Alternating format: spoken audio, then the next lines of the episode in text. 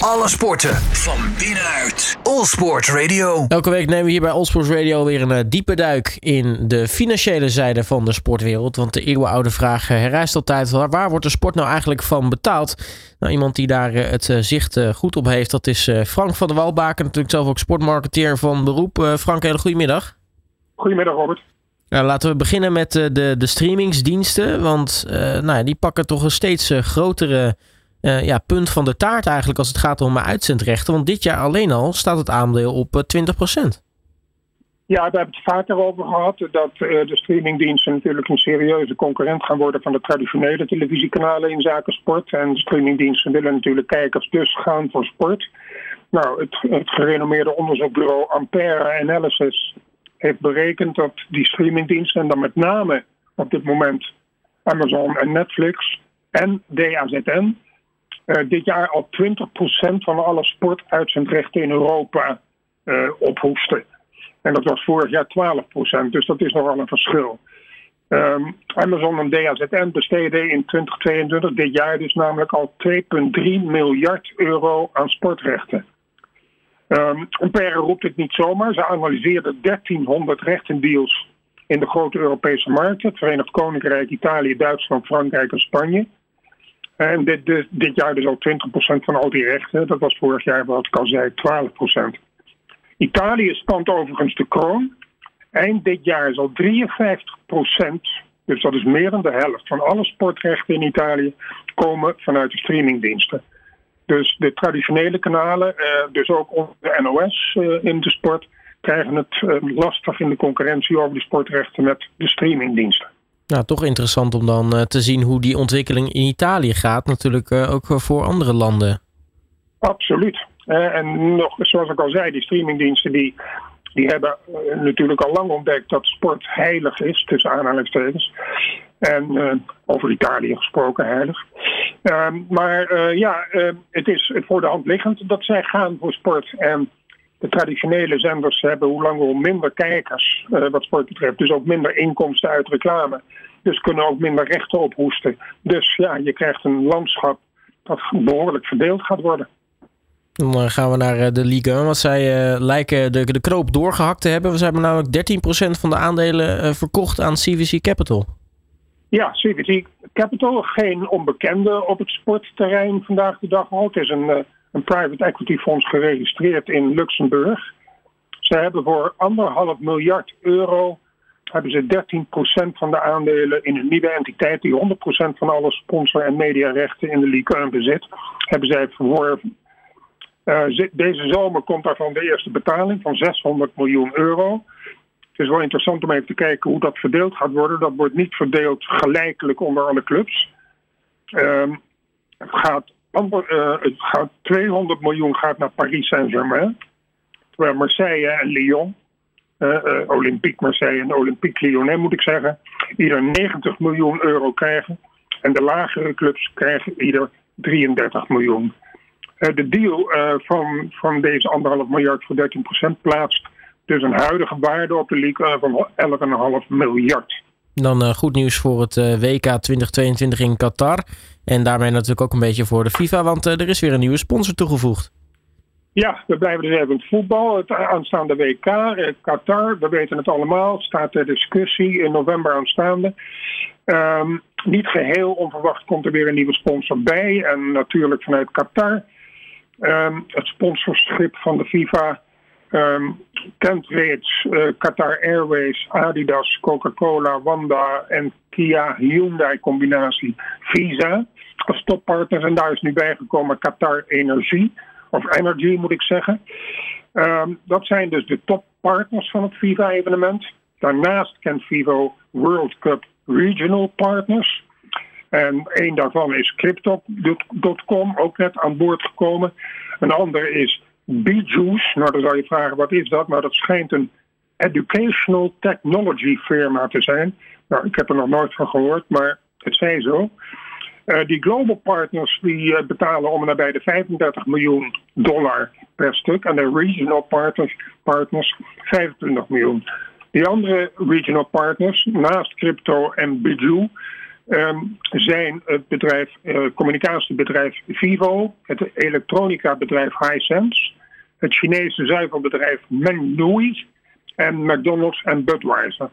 Wat overigens Budweiser daar gaat lopen doen in Qatar is voor mij nog een groot vraagteken. Want natuurlijk, Qatar kent geen alcohol. En hoe kan je dat sponsorschap dan in ieder geval lokaal gaan benutten, anders dan via de exposure van de boarding? Ja, maar misschien dat ze alcoholvrije drankjes hebben. Ja, ze zullen ongetwijfeld uh, op bepaalde plaatsen wel mogen schenken. In de mediacentrum neem ik aan en in, in de sponsor uh, hospitality ruimtes. Maar goed, alles bij elkaar in FIFA zo'n slordige 400 miljoen dollar dit jaar voor dit WK. Overigens, ik had het net over crypto.com, wat dus ook net aan boord is gekomen van een sponsorschip van FIFA. Die zijn druk bezig in sport, want ze tekenden ook al eerder als sponsor van het Formule 1-circus en tekenden vorig jaar al een 700 miljoen dollar deal voor de naamrechten van het NBA, de Basketball Association in uh, Amerika. Van de naamrechten voor het Los Angeles Lakers Stadion, een deal van 20 jaar, dus voor 700 miljoen dollar, Robert. Um, dat komt dus allemaal uit de inkomsten van de mensen die cryptocurrency aan het mee aan het spelen zijn. Tussen aanhalingstekens spelen. Ja, het is, het is maar hoeveel geld je eraan wil hangen om uh, qua naam ergens aan te hangen natuurlijk. Ja. Um, maar dan gaan we van, uh, van de FIFA naar uh, de UEFA. Want de UEFA heeft zoals gebruikelijk weer goede voornemens op de plank liggen. en dit keer is er eentje waarin staat dat er niet meer dan 70% van de inkomens van de clubs mogen worden uitgegeven aan voetbalgerelateerde zaken. Ja, UEFA is natuurlijk, uh, zoals inmiddels wel bekend, constant bezig met de charme-offensief. Omdat ze uh, bij de Europese clubs hebben ze het Superclub, uh, of het Super League initiatief geblokkeerd. Nou, ze, ze, hebben dus nu inderdaad, zoals je zegt, 70% van alle inkomsten bij een club mogen uitgegeven worden aan voetbalgerelateerde zaken. Maximaal 70%. Dus onder andere ook aan nieuwe spelers. Ehm, het is natuurlijk in een poging om het voetbal financieel gezonder te maken, maar tevens is het een uh, onderdeel van het charme-offensief. Want ik twijfel namelijk zeer nadrukkelijk aan, niet aan de goede bedoelingen, maar of het überhaupt invulbaar is. Want het is inmiddels algemeen bekend dat spelers salarissen, die dus ook onder die 70% vallen, in veel gevallen al geheel of gedeeltelijk uit andere hoeken komen, onder andere uit de hoeken van de sponsors of uit de hoeken van merchandisingbedrijven die de merchandisingrechten van een club hebben. Uh, dezezelfde constatering overigens van die 70% en dat, of dat haalbaar is, heeft er ook ertoe geleid dat de salary cap, waarover ook veel gesproken werd, uh, al definitief van tafel is. Dus het klinkt allemaal heel erg mooi en heel nobel, maar of het uitvoerbaar is, is een tweede. We hebben het er uh, pas geleden over gehad. Uh, Chelsea wordt natuurlijk verkocht door Roman Abramovic, die trouwens volgens mij nog herstellen is van een vergiftiging volgens mij die die heeft opgelopen. Maar er is een nieuwe shortlist, want er zijn nog vier partijen over in de race om, om ja, Chelsea de nieuwe eigenaar van te worden. Ja, er, is inderdaad, er zijn er nog vier in de race. overigens inderdaad ik zou bijna willen zeggen lachwekkend dat die meneer Abramovic nu ook opeens opduikt in de vredesonderhandelingen in de oorlog in Oekraïne. Um, hoe gek kan het worden? Uh, dezelfde man die ja, als een oligarch wordt neergezet en als een boef wordt neergezet, moet nu de vredesonderhandelingen mede gaan leiden. Maar goed, dat even terzijde. Die vier partijen die in de race zijn nog voor Chelsea. Um, die Chelsea vraagprijs was in eerste instantie werd er gezegd dat het 3 miljard pond zou moeten kosten. Maar anderhalf miljard van die 3 miljard waren schulden aan meneer Abramovic. En meneer Abramovic heeft die schulden inmiddels kwijtgescholden. Dus zou je zeggen, heeft de club nu te koop voor anderhalf miljard uh, ponden. Nou, er zijn vier partijen nog in de race. Dat, zijn, uh, dat is een meneer Steven Pagliuca. Dat is mede-eigenaar van de Boston Celtics. Dat is een NBA-club, uh, een franchise van basketbal. Dan een andere um, eigenaar van een Amerikaanse franchise in de Major League Baseball, de LA Dodgers. De eigenaar daarvan is Todd Boehly. Die zou ook in de race zijn. Dan is de Ricketts family, dat is een Amerikaanse familie, die zijn eigenaar van Chicago Cubs. Ook een Major League Baseball franchise. Die zijn in de race. En tenslotte als vierde partij is een Brits consortium onder leiding van de ex-British Airways CEO Sir Martin Broughton. En die heeft onder andere aan boord genomen, en dat zal mede ertoe leiden dat hij publicitair goed gaat scoren. Lord Sebastian Coe, dat was voormalig Olympisch goud atletiekman. En hij was ook de CEO van de Olympische Spelen in Londen in 2012. Ik vermoed, gezien het feit dat de Engelse regering en de Premier League hier een behoorlijke stem in gaan hebben, dat dat vierde consortium, dat Britse consortium, de beste kansen heeft. Het doel is overigens dat eind april de verkoop moet zijn gesloten. Uh, dus dat is al redelijk snel. En dan is het aan de regering, en dat is wel pikant, is om te besluiten wat dan de opbrengst, of dat om bij de anderhalf miljard zou zijn, dat moeten we maar afwachten. Maar laten we stellen dat het zo is. Dat de regering gaat dan bepalen wat er met dat geld gebeurt. Dat kan zijn dat ze dat bevriezen, zodat nadat uh, beslist wordt wie het nou zou moeten toekomen. Maar de regering heeft ook al uh, geroepen dat zij zouden kunnen besluiten het aan te wenden voor een goed doel in zaken de oorlog in Oekraïne. En dat zou ik, dat laatste zou ik wel toejuichen. Maar wel weer frappant dat dan drie van de vier partijen Amerikaanse partijen zijn. Ja, het is, het is enerzijds, enerzijds pikant. Aan de andere kant, Robert, moeten we ons daar niet over verbazen. Want het is algemeen bekend intussen dat de Amerikanen eh, zeer nadrukkelijk eh, zich hebben gefocust nu op Europa. Dat ze daar in sport kunnen investeren. Dat geen kennelijk goedkoper is dan in Amerika zelf. Of er is in Amerika weinig meer beschikbaar. En in Europa is nog erg veel beschikbaar. Dus uh, niet geheel is het uh, een onverwacht iets. Ja, dan uh, iets waar we het er vorige week al over hadden, maar het blijkbaar toch iets sneller gegaan is dan men had verwacht. Namelijk de verkoop van NAC aan de City Football Group. Want dat schijnt toch al in een behoorlijk ver stadium te zijn, die verkoop. Ja, het schijnt in het laatste stadium te zijn. De, de prijs zou zijn 7 miljoen euro. Dus je kan je nagaan wat een verschil hebben. NAC Breda en Chelsea Londen. Maar goed, dat even terzijde. Er is nog één uh, mogelijke beer op de weg. En dat is het 1% aandeel van een uh, instituut, zou ik bijna willen zeggen, waarin vier personen het stemrecht hebben. En die vier komen uit verschillende hoeken. En die zouden de verkoop kunnen blokkeren. Maar aangezien het, water aan de lippen staat bij NAC zou ik me kunnen voorstellen dat ze zich dat ze het sowieso wel willen verkopen. En dan is de City Football Group natuurlijk wel een gerenommeerde partij. Hè? Want ze hebben niet van niets al Manchester City, New York City, Melbourne City, Mumbai City, Montevideo City. Uh, en nog een aantal andere clubs, onder andere in Japan en in Frankrijk. En in België hebben ze al in hun groep zitten. Dus het is wel uh, een financieel gezonde partij. Uh, en dat zou NAC Breda ongetwijfeld toejuichen. Dat daar niet haken en ogen zullen zitten aan de financiële toezeggingen die die partij zal doen. Maar wat mij dan weer opvalt is dat de vraagprijs dan slechts 7 miljoen is. Want dat, dat, voor een instituut als NAC klinkt dat wel heel erg weinig eigenlijk. Ja, maar ongetwijfeld zal, wat niet vermeld wordt in die prijs van 7 miljoen. Dat, ik ben het met je eens, dat klinkt weinig.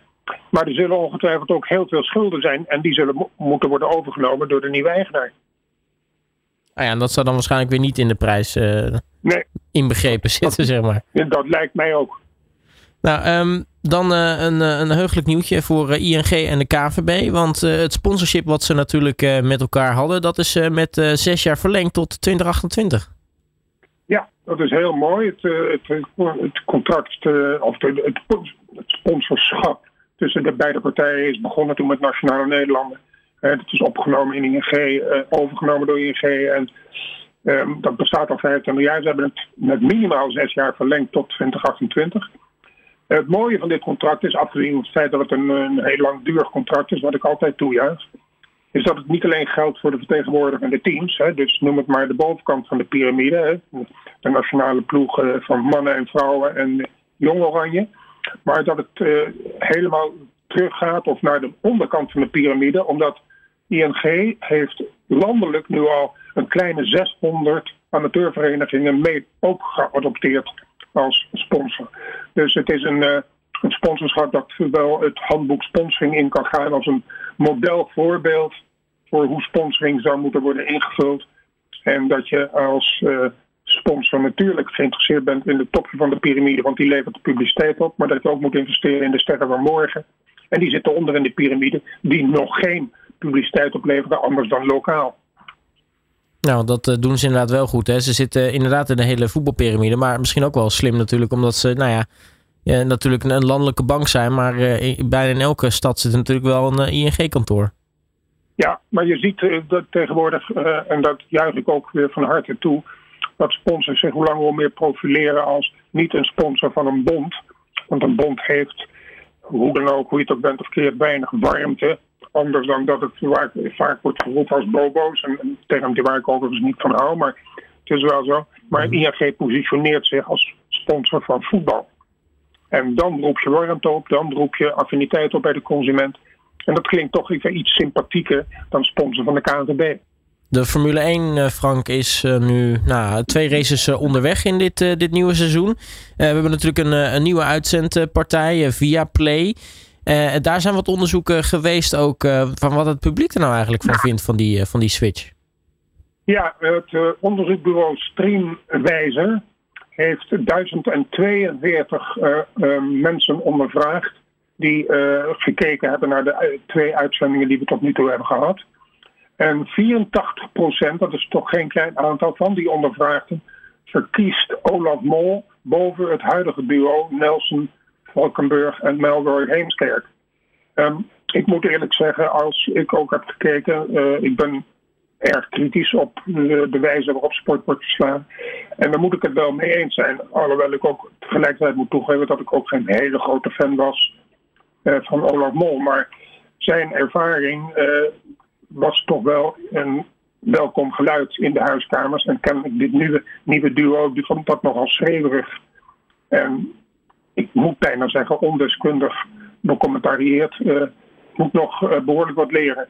Uh, ook bleek uit dat onderzoek dat Robert Doornbos, die in de studio commentaar gaf en in analyses gaf, dat die zeer nadrukkelijk wordt gemist door ruim 90% van de ondervraagden.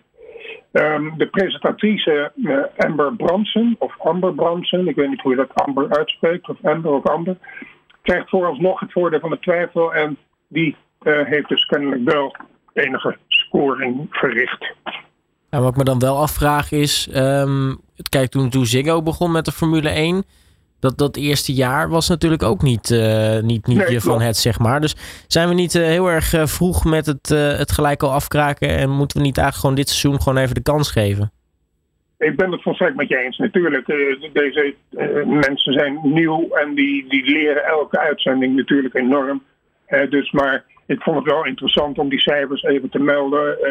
ja, om toch een indicatie te krijgen. En, en ik ben ervan overtuigd dat uh, neemt, hè, de, de, degene die de uitzendrechten heeft, die, die het doen via een streamingdienst, uh, Play of via Play, dat die deze cijfers ook zeer nadrukkelijk zullen bestuderen en met de commentatoren in overleg gaan van dat het eventjes misschien wat beter moet of het anders moet. Maar je hebt hartstikke gelijk, Robert. Het, het ze verdienen minimaal een half seizoen, zo niet een heel seizoen, om te dennen. Dan uh, tot slot wat kort nieuws, uh, Frank. En dan beginnen we met uh, twee mooie contactverlengingen in het voetbal in het hoge noorden van het land. Ja, leuk. Ehm, Easy Toys, de, de, de shirt- en hoofdsponsor van de FC Emmen. Nou, FC Emmen doet het goed in de keukenkampioen-divisie. Die staan weer op het punt van promoveren naar de eredivisie. Prachtig. Mede zal dat hebben bijgedragen tot hun beslissing om het contract met de club voor, met twee jaar te verlengen. Prachtig. Een andere club in het noorden van het land, eh, SC Cambuur. Die hebben al uh, tijden 13 ehm, jaar lang Dijkstra, Drijsma, zijn bouwgroep, op het shirt staan. En die hebben met een jaar verlengd.